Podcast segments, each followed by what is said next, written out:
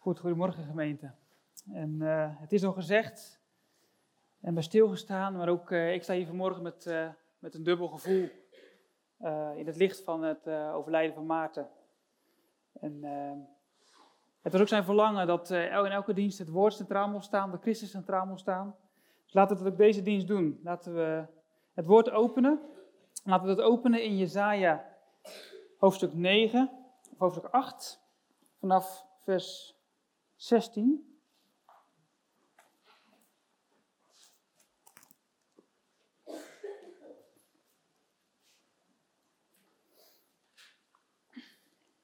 Isaiah hoofdstuk 8 vanaf vers 16.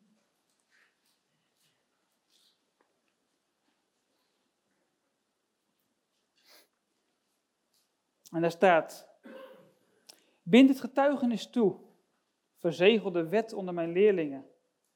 Ik zal de Heere verwachten, die zijn aangezicht verbergt voor het huis van Jacob. Op hem zal ik hopen. Zie, ik en de kinderen die de Heere aan mij gegeven hebt, dienen tot tekenen en wonderen in Israël. Afkomstig van de Heere van de legermachten, die op de berg Sion woont. Wanneer ze dan tegen u zeggen, raadpleeg de geesten van doden en waarzeggers met hun gelispel en geprevel. Zeg dan, moet een volk zijn God niet raadplegen?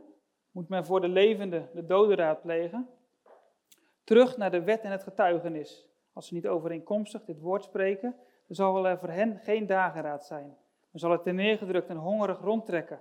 Wanneer het gebeurt dat men honger lijdt, dan zal men uitbarsten in woede en zijn koning en zijn God vervloeken. Of men de blik nu naar boven richt, of men de blik of, of naar de aarde kijkt, er zal benauwdheid en duisternis zijn. Angstaanjagende donkerheid. En men zal voortgedreven worden het donker in. En lezen we in vers 23. Voorzeker, er zal geen donkerheid blijven voor het land waarin benauwdheid is. Zoals hij in vroegere tijd minachting heeft gebracht over het land van Zebulon en over het land van Naphtali. Zo zal hij in latere tijd eer bewijzen aan de weg van de zee, de overkant van de Jordaan, het Galilea, waar de heidevolken wonen. En dan lezen we in vers 9, in hoofdstuk 9, vers 1. Het volk dat in duisternis wandelt, zal een groot licht zien. Zij die wonen in het land van de schaduw van de dood, over hen zal een licht schijnen. U hebt het volk talrijk gemaakt. Heeft u niet de blijdschap groot gemaakt? Ze zullen blij zijn voor uw aangezicht, zoals men zich verblijdt bij de oogst. Zoals men zich verheugt wanneer men de buit verdeelt. Want het juk van hun last, de stok van hun schouders en de knuppel van hun slavendrijver hebt u verbroken als eens op de Midiansdag. Ja, elke laars, stampend met gedreun, iedere soldatenmantel, gewenteld in het bloed, zal verbrand worden, voedsel voor het vuur. Want, en de kinderen van de Bijbelklas hebben, het net al, hebben het ons net al gelezen, want een kind is ons geboren, een zoon is ons gegeven en de heerschappij rust op zijn schouder. En men noemt zijn naam wonderlijk, raadsman, sterke God, eeuwige Vader, vredevorst. Aan de uitbreiding van deze heerschappij en aan de vrede zal geen einde komen op de troon van David en over zijn koninkrijk, om het te grondvesten en het te ondersteunen door recht en gerechtigheid, van nu aan tot in eeuwigheid. De naijver van de Heere van de legermachten zal dit doen. Goed, Wellicht dat hier, wel eens, dat, dat hier mensen zijn die wel eens in uh, Genève zijn geweest, in Zwitserland.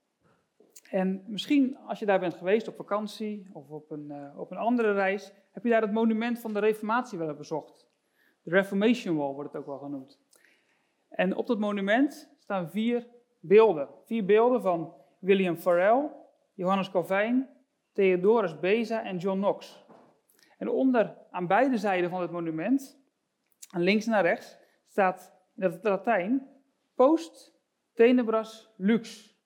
Vertaald, na de duisternis licht. Want de reformatie had namelijk licht gebracht in tijden dat het Europa bedekt was onder de duisternis. Een geestelijke duisternis. De periode voor de reformatie wordt ook nog niet voor niks de Dark Ages genoemd, de donkere eeuwen. Het woord van God werd in kerken niets anders gepreekt dan onder de bedekking van, het Latijn, van de Latijnse taal.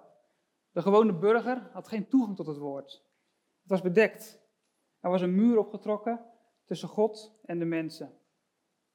Totdat God mannen deed opstaan, die dwars tegen de stroom van de Roomse kerk, in in, dwars de, in de duisternis, het licht van het evangelie durfde te verkondigen. Het woord werd vertaald, het werd ontdaan van zijn bedekking.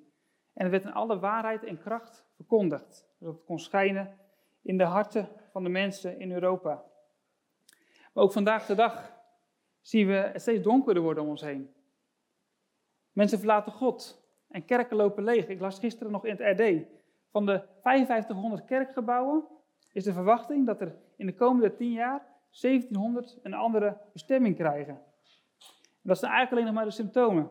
Want dat zijn de symptomen van een volk dat het woord loslaat. Gods woord wordt tegenwoordig weggezet als een achterhaald boek. Niet meer voor deze tijd. En het gevolg daarvan is dat we het morale kompas kwijt zijn als volk. Iedereen doet wat goed is in zijn eigen ogen. En dat zien we ook in onze samenleving. Ieder jaar worden er in Nederland 30.000 kinderen geaborteerd. En de meeste mensen die hebben daar totaal geen enkele moeite mee. Een sprekend voorbeeld van de gevolgen van het loslaten van Gods, Gods waarheid, van Gods waardeoordeel over het leven, van Gods woord. En des te meer Gods woord zijn zeggenschap verliest, des te donkerder het wordt. En we zien het overal om ons heen. Wanneer het licht van het evangelie gedoofd wordt, dan gaan mensen dwalen. Maar ook als we het op onszelf betrekken als christenen, dan ontkomen we niet in de duisternis van het leven. We leven namelijk in een wereld die in zonde gevallen is. En ondanks dat we zijn wedergeboren en hart is vernieuwd, kampen we nog wel met, de, met onze zondige natuur. En we hebben het afgelopen zondag gehoord toen ik Jan over de bergleden sprak. Zalig zijn zij die treuren. We treuren over onze eigen hang naar de zonde, telkens weer. En we hebben daarnaast te, maken met de gevolgen van de zondeval. Geliefden worden ziek of overlijden. En vanmorgen is er ook verdriet. Daar staan we bij stil. Want we, we, gedenken het overlijden ook van onze dierbare broeder en voorganger Maarten. Het is de realiteit van een gebroken wereld. En die komt ook vandaag erg dichtbij. Maar er zijn ook andere zaken in het leven van een christen die duisternis kunnen brengen. Soms kan het leven ons ook gewoon zwaar vallen. Misschien heb je wat te maken met depressies in je leven. Dat zou kunnen. Of je bent uitgeblust. Je hebt een burn-out. Je hebt nergens zin in. Alleen al uit je bed komen, dat is een enorme opgave. Gods stem lijkt afwezig. Je hebt geen motivatie om te bidden of Bijbel te lezen. Je hebt geen vreugde meer in het werk van de Heer. En dat is echt een, een, een duistere deken die zomaar over het leven van een christen kan trekken. En depressiviteit is ook niet iets wat christenen vreemd is. Verschillende grote christelijke namen in de kerkgeschiedenis hebben te kampen gehad met depressiviteit. En een, een voorbeeld daarvan is ook Prince of Preachers, Spurgeon. Ook hij kende depressies in zijn leven. En in een van zijn preken zegt hij, uh, wanneer hij spreekt over een van die depressies, mijn gemoedstoestand was zo ver weggezonken dat ik uren kon huilen als een kind. En dat terwijl ik niet eens wist waarover ik moest huilen. Nou, licht en duisternis. Ook in, de, in Gods woord in de Bijbel is het een van de meest terugkerende thema's. En uh, al in de eerste verse van de Bijbel, jullie zullen waarschijnlijk wel begrijpen waar ik heen ga, wordt het contrast tussen het licht en de duisternis geschetst. In vers 3 van Genesis 1 lezen we hoe God zegt, laat er licht zijn. Laat er licht zijn. En, en er was licht in de duisternis. Het evangelie van Johannes spreekt al in de eerste verse van hoofdstuk 1 over het licht. Want in vers 4 en 5, daar lezen we, in het woord was het leven en het leven was het licht van de mensen. En het licht schijnt in de duisternis. En de duisternis heeft het niet begrepen. En dit licht, dat blijft ook een belangrijk thema in het evangelie in de brief van Johannes. Want in 1 Johannes 1 vers 5, daar schrijft Johannes dat, het, dat God licht is. Dat in hem geheel geen duisternis is. En ook verderop in zijn brief roept hij ons op om in het licht te wandelen en niet in de duisternis. En wanneer we deze kerstdagen stilstaan bij de geboorte van de Heer Jezus, we hebben het net al gehoord, dan zien we ook veel verwijzingen naar het licht. Wanneer Zacharia in zijn lofzang spreekt over zijn zoon Johannes in Lucas 1 vers 78, dan spreekt hij ook over het licht waarvan zijn, zijn zoon een boodschapper zou gaan worden. We lezen daar in vers 78 van Lucas 1. Door de innige gevoelens van barmhartigheid van onze God, waarmee de opgang, en dat kan je ook vertalen als zonsopgang, uit de hoogte naar ons omgezien heeft, om te verschijnen aan hen die gezeten zijn in de duisternis en de schaduw van de dood. En om onze voeten te richten op de weg van de vrede. Nou, en wat is het dat de wijze het oost leidt naar het kindje Jezus? We zien er genoeg voorbeelden van vandaag. Het is een ster, een licht, een licht in de duisternis. En dit licht in het midden van de duisternis leidde de wijze naar het kindje Jezus. En ook vandaag kijken we ons schriftgedeelte in Jezaja 9 naar hetzelfde licht in de duisternis. En om een goed beeld te krijgen van dit licht is het ook belangrijk dat we het plaatsen in het juiste contrast. En de Bijbel schetst hier een contrast, een donker-zwart contrast.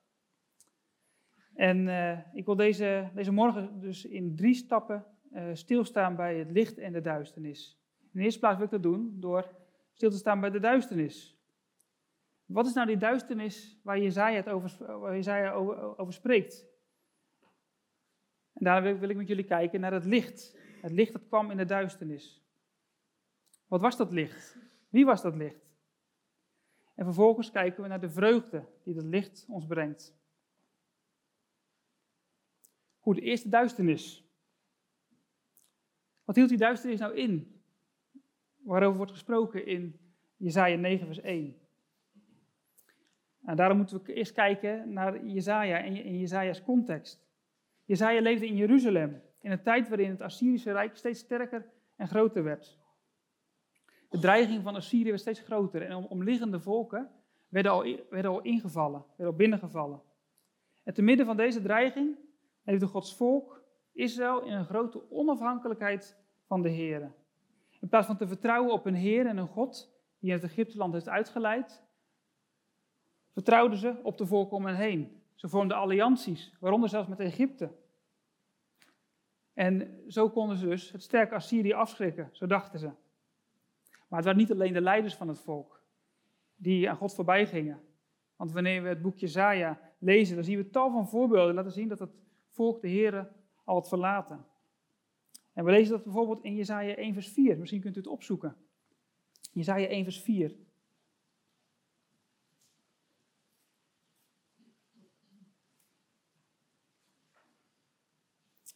En er staan krachtige woorden die de afvalligheid van het volk Israël samenvat.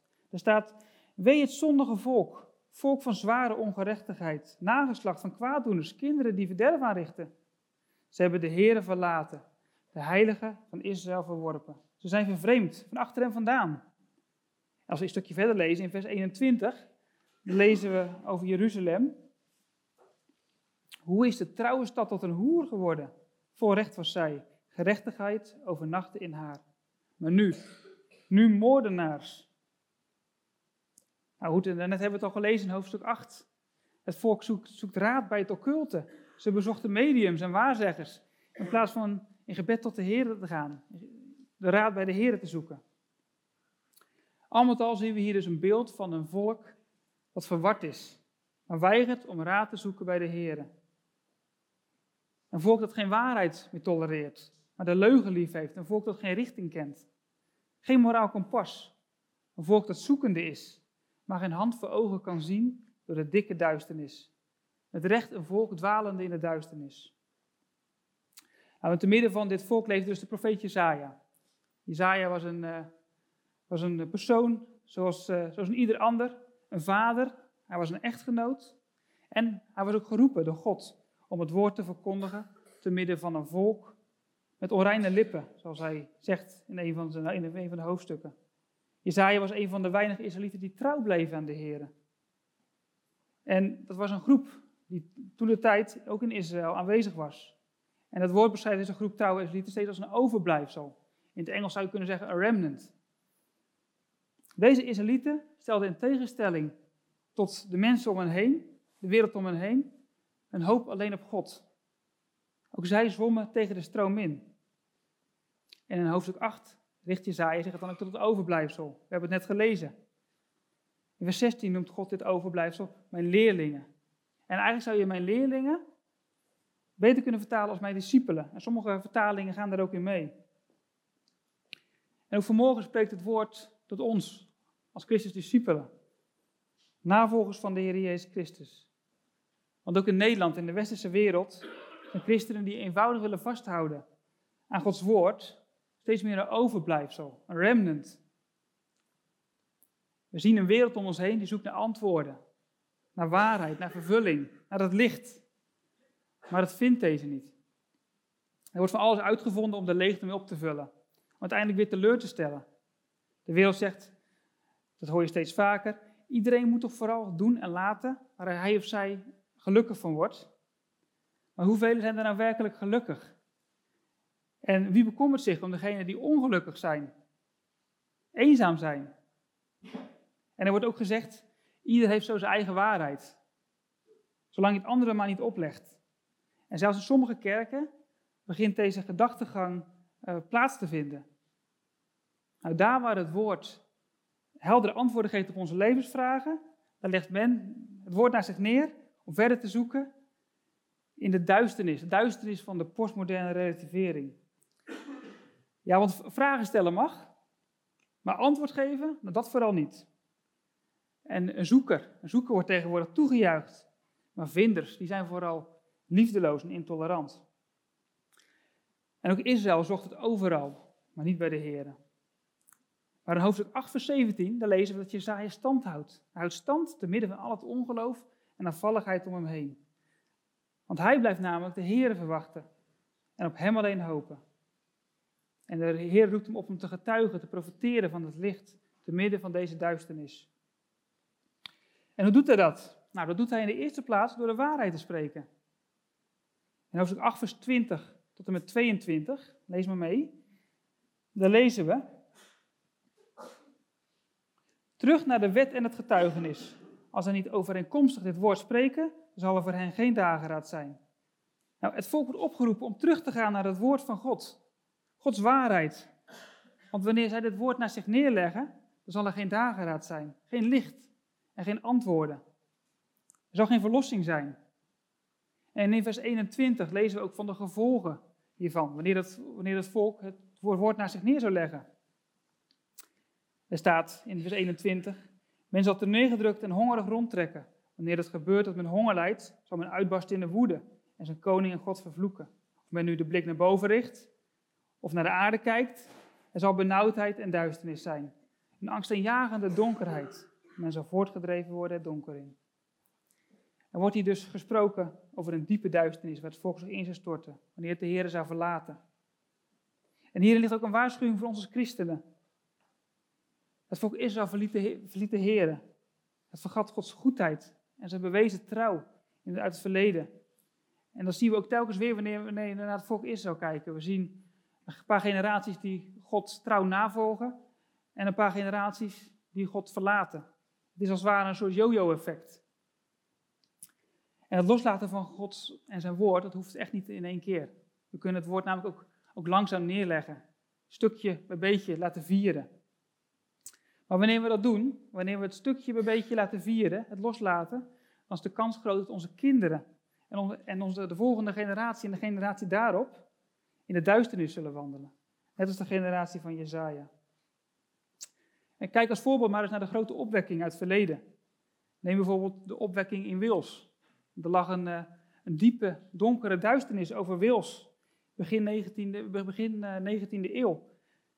Maar het was, de, het was geest van God die daar licht bracht. Er waren grote opwekkingen. De Heer gebruikte verschillende, verschillende mensen om het woord daar te brengen. En tienduizenden mensen kwamen tot geloof. Maar al zou je daar nu op straat vragen aan de mensen: Weet je er nog van? Of ken je de Heer? Dan zullen er weinig dat uh, beamen.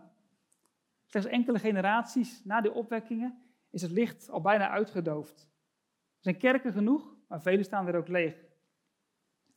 Ook vandaag de dag in Wils. Goed, dan het licht. Want er is hoop voor iedereen en iedere generatie. Voor elk die in het duister dwaalt. We hebben het net gelezen, gezongen in de, in de lofzang van Zacharias. Want Jezaja gaat verder in vers 23. En daar vertelt hij dat de duisternis eens weggenomen zal gaan worden. Daar lezen we.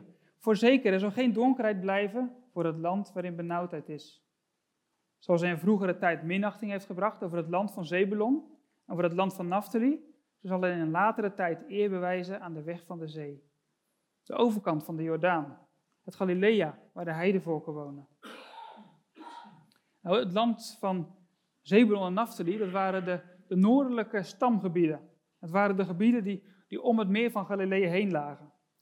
En deze gebieden die werden bij een inval meestal als eerste ingevallen. Ze waren eigenlijk de pineut, de pisang, de eerste aan de beurt. En zo ook tijdens de inval van Assyrië. En deze inval wordt in Jezaja meerdere keer beschreven als een straf van God. Over de afvalligheid van zijn volk. En in Zebulon en Naphtali leefden in verhouding ook meer vreemde volken dan in andere stamgebieden. En deze heidevolken hadden daarom ook veel invloed op de Israëliërs. Ze deelden hun heidense praktijken en gewoontes. En in deze gebieden was de realiteit van de duisternis en Gods straf daarover het meest aanwezig, het meest sprekend. Als ik jullie zou vragen, waar verwacht je vandaag de dag op dit moment een opwekking? Nou, wat zou je dan zeggen? Misschien zeg je de Veluwe, of de Alblasse Waard, of Urk, of Staphorst, misschien wel Overberg, ik weet het niet. Maar zouden we, we zouden misschien toch wat vreemder opkijken wanneer we zouden horen van een opwekking in, in Limburg of in Friesland of in, in Groningen. En zo was het ook in Israël. Als de Israëlieten ergens geen licht verwacht hadden, dan was het wel in het duistere Zebulon en Naphtali. Juist in deze duistere streek zal het licht als eerste doorbreken. Zoals we lezen in, in hoofdstuk 9, vers 1. Want daar staat: Het volk dat in duisternis wandelt, zal een groot licht zien. Zij die wonen in het land van de schaduw van de dood, over hen zal een licht schijnen. Maar juist daar, daar waar alle hoop verloren lijkt, waar er niemand de Heer meer verwacht, is daar, daar zal Gods licht gezien worden. En we kunnen daar verder over lezen in Matthäus 4, vers 12. En uh, zoek dat maar op, Matthäus 4, vers 12.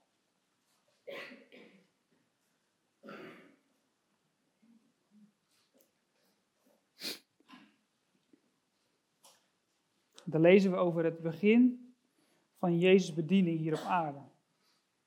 Matthäus 4, vers 12. Nou, toen Jezus gehoord had dat Johannes overgeleverd was, keerde hij terug naar Galilea. Hij verliet Nazareth en ging wonen in Capernaum, dat aan de zee lag, in het gebied van Zebulon en Naphtali. Omdat vervuld zou worden, de top, wat door de profeet Jesaja gesproken werd toen hij zei, Land Zebulon en land Naphtali, gebied aan de weg van naar de zee en over de Jordaan, Galilea van de volken. Het volk dat in duisternis zat, heeft een groot licht gezien. En voor hen die zaten in het land van de schaduw van de dood, is een licht opgegaan. Van toen af begon Jezus te prediken en te zeggen: Bekeer u, want de koninkrijk der hemelen is nabijgekomen. Nou, ruim 700 jaar nadat de profeet Jezaja deze deze woorden had gesproken, had geprofeteerd, zien we hier deze profetie in vervulling gaan. Van alle gebieden in Israël was het juist Galilea, het donkere Galilea, waar Jezus zijn bediening begon. Hier waren de mensen namelijk de eerste getuigen van Jezus' bevrijdende licht. En het was in Galilea waar Jezus zijn discipelen vond. Het was in Galilea waar Jezus voor het eerst onderwijs gaf aan zijn volk. Het was in Galilea waar het koninkrijk voor het eerst gestalte kreeg. Hier gaf Christus de bergreden. En afgelopen zondag hebben we daar nog bij stilgestaan. Velen bekeerden zich hier tot de Heer. Nou, wie was het licht waarover de profeet Jezaja profeteerde? Het was Christus. Christus is het licht en hij kwam tot de duisternis van deze wereld. Hij kwam tot de duisterste delen van deze wereld. Namelijk het Galilea waar de heidenvolken woonden. En misschien is er vandaag de dag in jouw leven duisternis. Misschien is het licht van het evangelie in jouw leven nog niet doorgebroken. Of denk je misschien dat er voor iemand zoals u of jou geen hoop is. Misschien denk je wel, maar mijn hart is zo duister, er is geen redden meer aan. En misschien heb je de Heer al leren kennen. Je hebt het licht, zoals gezegd, al gezien. Nou, denk je dan dat je, ondanks dat je door de Heer bent vrijgekocht, dat er voor jou geen leven in vrijheid mogelijk is? Dat je levenslang gevangen bent onder de wet van de zonde en de schuld. Dat je levenslang als het ware door deze vallei van de schaduw van de dood heen moet gaan. Nou, wel dan spreekt dit woord deze eerste kerstdag tot jou. Want geen duisternis is te duister voor het licht van Jezus Christus. Jezus kwam naar een wereld die gehuld was in duisternis. Hij verruilde zijn hoge plaats bij de Vader in de hemel voor een kribbe, voor een voerbak van beesten in een beestenstal. Hij vernederde zich tot onze plaats, zodat hij onder ons kon wonen. Hij werd een mens, zodat hij zich met ons kon identificeren. En dat hij op juist op die plaatsen kon, kon licht kon brengen die onder de donkerste schaduw lagen. Zodat hij licht kon brengen in de donkerste mensenharten. En we lezen het ook terug in 2 Korinthe 4, vers 6. En misschien kunt u dat opzoeken. Hoeft niet, maar. Daar staat. Want God die gezegd heeft dat het licht uit de duisternis zou schijnen, is ook degene, het op, die onze harten geschenen heeft tot de verlichting met de kennis van de heerlijkheid van God in het aangezicht van Jezus Christus. Nou, broeders en zusters, het was 14 jaar geleden, op tweede kerstdag, dat de Heer mij te sterk werd. Dat de evangelie werkelijkheid werd in mijn leven. Ik weet nog goed. Ik zat op de achterbank met mijn ouders in de auto. Volgens mij kwamen we terug van een kerstdineetje of zo. Het was, die, was, toen dat hij doorbrak met zijn licht in de diepe duisternis van mijn hart. En toen, vanaf dat moment, mocht ik gaan wandelen in het licht met hem. Mijn leven werd anders, een vernieuwd leven brak aan. En ook in uw en jouw leven wil hij schijnen met zijn wonderbaarlijke licht. En dan is jouw hart zwart van de zonde. Hij is genadig en bij machten en hij wil ook jou in het licht zetten. Want hij kwam niet alleen naar deze aarde om te onderwijzen, om onder ons te leven, maar om het ultieme offer te geven. Hij gaf zijn leven namelijk aan het kruishout, omdat wij niet meer in de duisternis zouden hoeven wandelen. En dat is dan ook de reden dat we zijn vrijgezet, dat we met hem in het licht mogen wandelen. En ook wanneer het christelijke leven je zwaar valt en je dat wandelen in het licht misschien al hebt opgegeven. Dat je misschien hebt toegegeven aan de zonde in je leven. Dat je de duisternis hebt verwelkomd in je leven. Dat zou zomaar kunnen. Ook dan, dan is Christus bij machten om jou uit die duisternis te trekken tot zijn licht. Jezaja die zag op Christus door een bedekking heen. God toonde hem de gestalte van het haalsplan. Maar wij hebben met het Nieuwe Testament een helder zicht gekregen op Christus. En de Reformatie die heeft ons verder zicht gekregen, gegeven op de vrije genade door het geloof alleen. Er is geen enkele drempel meer, vandaag de dag, om zijn genadeaanbod niet aan te nemen. Het staat zwart op wit. En zelfs nog in het Nederlands. Kom tot hem en hij zal je verlichten tot de kennis van de heerlijkheid van God. En dan lezen we verder in uh, hoofdstuk 9, vers 2. En dan gaat het over de vreugde. De vreugde die het licht met zich meebrengt. 9, vers 2. Daar staat, u hebt het volk talrijk gemaakt. Hebt u niet de blijdschap groot gemaakt? Zij zullen blij zijn voor uw aangezicht, zoals men zich verblijdt bij de oogst. Zoals men zich verheugt wanneer men de buit verdeelt. Nou, voordat we hierop ingaan, wil ik eerst nog iets anders toevoegen. Want zoals we vaker zien in, in Bijbelse profetieën, is er ook in Jezaja 9 sprake van meerdere lagen. Er zijn meerdere vervullingen aan te wijzen door de geschiedenis heen. En misschien heb je vroeger wel eens een, een kijkdoos gemaakt op school. En dan, uh, dan, dan maakte je zo'n schoenendoos en dan, dan maakte je een gat aan de voorkant en dan plakte je op verschillende plekken een plaatje of iets anders. En wanneer je dan door die doos heen keek, dan zag je op verschillende afstanden plaatjes uh, staan. Op het moment dat, dat, die doos maar één gat had, was het net alsof al die plaatjes op dezelfde afstand stonden. Je zag geen diepte. Op het moment dat zo'n kijkdoos twee, twee kijkgaten had, zag je, zag je diepte in zo'n kijkdoos. En Bijbelse profetieën zijn ook net soms te vergelijken met zo'n kijkdoos. Wanneer we de teksten plat lezen, dan is het de kans dat we geen diepte zien. Dat we de teksten heel subjectief toepassen op ons eigen leven, op onze eigen plaats in de geschiedenis. Of juist alleen op het verleden, of juist alleen op de toekomst. Maar ik denk dat we in Jezaja 9 eerst op Christus eerste advent en uiteindelijk ook op Christus tweede advent kijken. Want in eerste instantie zien we Christus eerste komst op aarde en de verspreiding van het evangelie onder het Joodse volk. Wat we hier lezen in dit vers. Na Christus komst op aarde verspreidt het evangelie zich namelijk in een rap tempo over heel de aarde. En waar Gods getrouw in de tijd van Jezaja, dat overblijfsel, slechts een kleine groep was, wordt op dit moment op veel plekken, niet op alle plekken, zeg ik benadruk, het woord, het woord van de Heer verkondigt, het licht schijnt. Maar uiteindelijk zien we ook op Christus tweede advent, zijn wederkomst naar deze aarde. En als Nieuwtestamentse christen staan we dus tussen die eerste en die tweede advent in. We kijken terug naar Christus' eerste komst op aarde. Dat doen we vandaag met kerst. En, we, en met Pasen gedenken we Christus' helswerk aan het kruis. We gedenken zijn opstanding, zijn hemelvaart. Maar we kijken ook uit naar de dag dat hij terug zal komen. Om zijn koninklijke heerschappij te vestigen op aarde. Want dan, dan zal deze profetie van Jezaja ten volle vervuld worden. Waar Gods Israël hun Messias nu nog grotendeels afwijst, zullen zij eens tot geloof komen en de Messias navolgen. Want die kleine groep Messiaanse gelovigen, die er nu al is onder het Joodse volk, die zal eens talrijk zijn. En zij zullen zich samenvoegen met de heidevolken en zich verblijden om Gods trouw en genade. Goed, we lezen verder. Ze zullen blij zijn voor uw aangezicht, zoals men zich verblijdt bij de oogst, zoals men zich verheugt wanneer men de buit verdeelt. Ze zullen blij zijn voor uw aangezicht. En er staat, ze zullen blij zijn als ware voor Gods aangezicht. En de reden dat hier staat expliciet voor uw aangezicht, dat heeft alles te maken met wat we lezen in Deuteronomium 12, vers 7. Dat spreekt namelijk over de offerdienst na het binnenhalen van de oogst. Het volk wordt daar namelijk opgedragen om zich te verheugen over de opbrengst. En de, eerste opbrengst van de oogst ook te eten voor het, voor het aangezicht van de Heer. Het was daarmee een offer voor de Heer. De blijdschap en vreugde van het volk, dat was iets wat de Heer behaagde.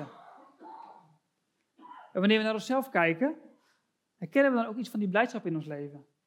Wanneer we deze kerstdagen, Christus komt naar deze wereld herdenken, is er dan ook vreugde in ons hart. Om het feit dat Hij dat ook voor u en voor jou deed. Het is een verlangen van de Heer dat we ons in Hem verblijden.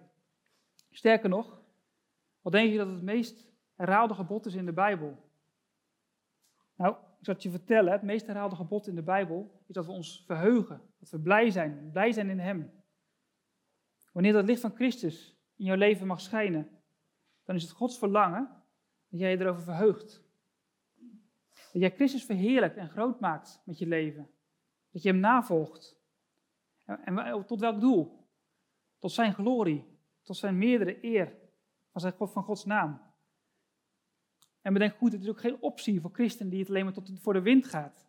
verblijden. Het is een gebod. Het is het meest herhaalde gebod in Gods woord.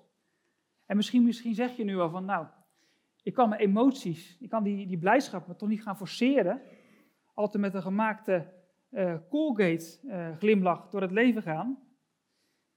Je hebt het net zelf al gezegd. Het leven is zwaar, het is soms duister, het is donker, het is depressie. En inderdaad, dat is zo.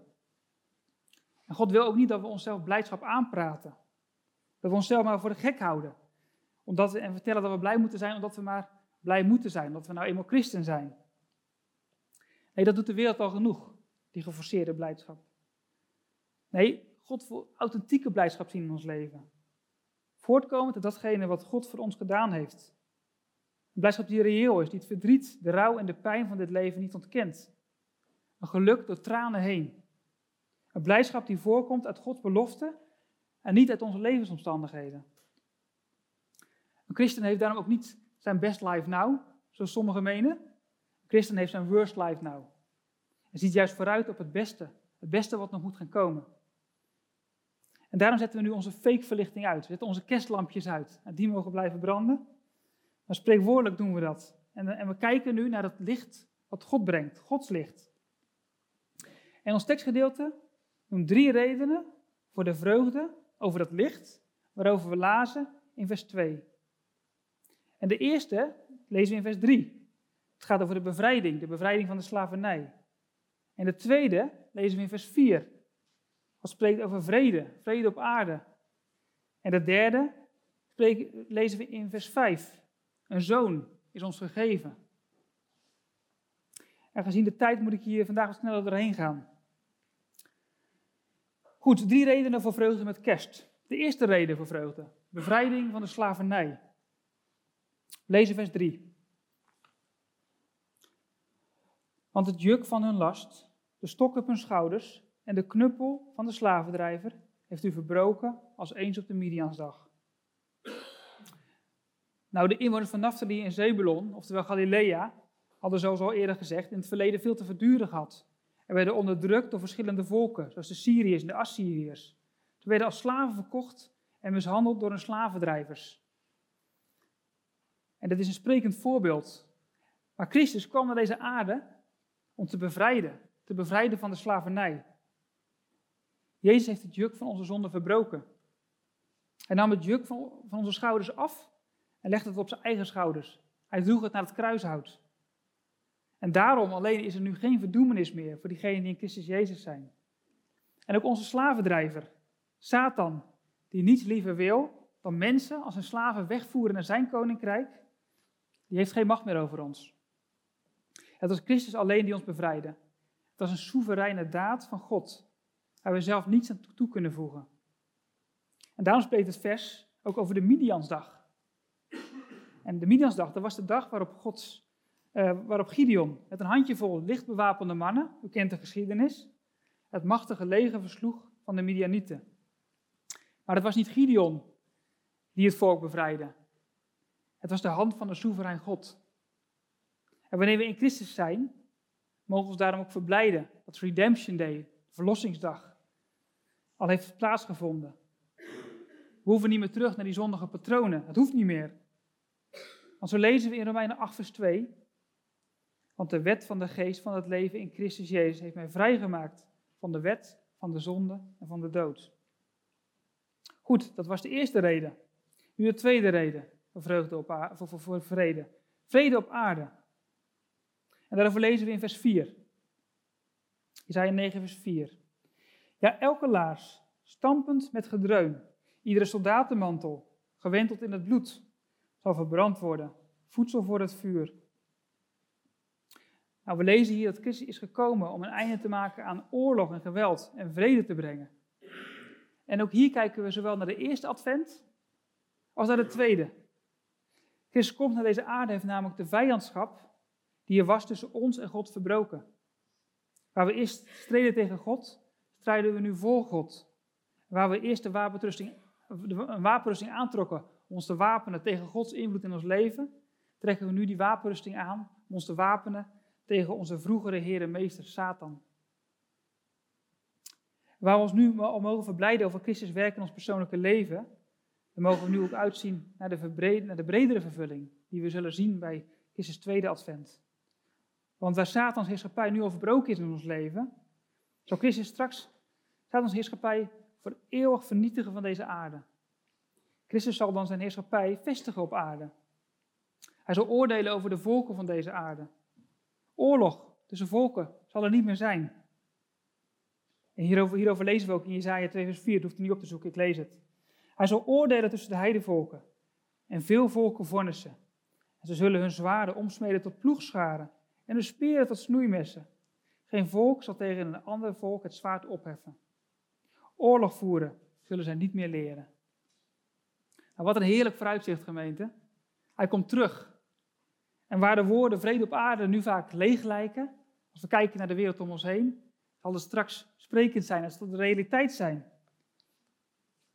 Goed, dat was de tweede reden. Vrede op aarde. En dan nu de derde reden. Een zoon is ons gegeven. En we hebben het net al het een en ander over gehoord, de kinderen. En we moeten er nog aan toevoegen, maar toch wil ik dat doen. Want er staat in vers 5, want een kind is ons geboren, een zoon is ons gegeven. Nou ja, we hebben net gezien dat we in de eerste plaats zijn bevrijd van het juk van de zonde, van de slavernij van Satan. Dat we zijn verzoend met God. Dat we niet langer Gods vijanden zijn, maar zijn geliefde kinderen. Maar gemeente, dit alles heeft God alleen kunnen doen omdat hij daar de hoogst denkbare prijs voor heeft betaald. Hij gaf namelijk zijn zoon, zijn enige geboren zoon, het kostbaarste geschenk. En dat denken we aan vandaag met kerst. En dat is het kerstevangelie. Dat is het licht wat in deze wereld kwam. Dat God zijn zoon heeft gegeven aan een wereld gehuld in duisternis. Een wereld die hem haatte, die hem verwierp. Volk, naar een volk dat zijn God had verlaten. En ook wanneer u of jij in de duisternis wandelt, dan wil God jouw leven verlichten. Hij wil dat je de strijd tegen hem opgeeft. Dat je de wapens neerlegt. En dat je jouw pak met zonde aan Hem geeft. Hij wil je uit de duisternis trekken tot zijn wonderbare licht. Opdat je een leven mag leven wat gekenmerkt wordt door de vreugde van God en, de heerschappij, en zijn, heerschappij over jouw leven. God schenkt ons zijn zoon, zijn kostbaarste geschenk. En dat is ten diepste de reden waarover we ons vandaag mogen verheugen. En we lezen verder in vers 5. En de heerschappij rust op zijn schouder. En men noemt zijn naam. Wonderlijk, raadsman, sterke God, eeuwige Vader, vredevorst. En in vers 6 lezen we verder, aan de uitbreiding van deze heerschappij en aan de vrede zal geen einde komen. Op de troon van David en over zijn koninkrijk, om het te grondvesten en te ondersteunen door recht en gerechtigheid, van nu aan tot in eeuwigheid. De naijver van de Heere van de legermachten zal dit doen. Nou, het voedt voor vanmorgen, ook gezien de tijd, helaas ook te ver, om hier uh, bij elke naam lang bij stil te staan. Dan zou je eventueel nog een keer een andere, andere keer een preken kunnen wijden. Maar voor vandaag uh, doen we dat even niet.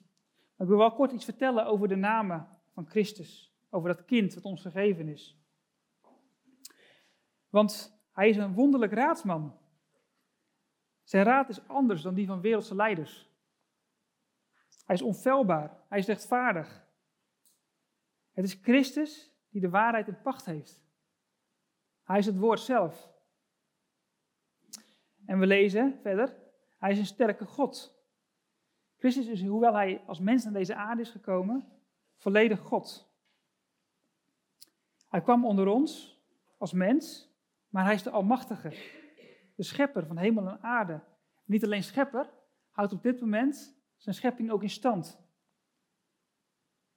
En verder lezen we, hij is een eeuwige vader. En wat betekent dit? Nou, dit betekent letterlijk, hij is een vaderlijke beschermer. Christus is geen koning zoals andere koningen, die hun eigen positie beter beschermen dan, uh, dan hun eigen volk. Nee, hij is een koning die als een vader regeert. Hij is geen koning die niet te benaderen is. En Christus regeert over zijn volk als een liefdevolle vader, als een herder over zijn kudde. En tot slot lezen we ook, hij is een vredevorst. En we hebben net al over gesproken. Onder zijn heerschappij zal er vrede komen. Iets wat ver te zoeken is en was onder de regeringen in Israël. Maar ook, als we kijken naar de wereld om ons heen. Waar is die vrede op aarde? En wanneer de duisternis van dit leven ons kan benauwen. Wanneer er depressie is in je leven. Wanneer er verdriet is, gemis en rouw. Zoals we dat op dit moment als gemeente ook ervaren. Als we denken aan het overlijden van onze broeder Maarten. Nou, weet dan dat deze duisternis maar tijdelijk is. Dat het een deken is die eens zal worden opgetrokken. Dat de duisternis eens voor goed voorbij zal zijn.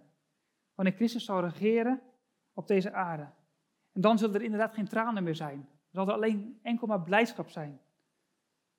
Want wanneer Christus zijn koninkrijk vestigt, of dat nou is in een mensenhart, of dat is op aarde, dan zal het zijn licht voor goed de duisternis verdrijven. Wie is het licht, gemeente? Het is Christus. Christus is het licht. Hij is het licht van ons leven tot een eeuwigheid. En ik wil vanmorgen afsluiten met het lezen van Openbaring 21, vers 23 tot 25. Dat spreekt over het nieuwe Jeruzalem. Openbaring 21 vanaf vers 23.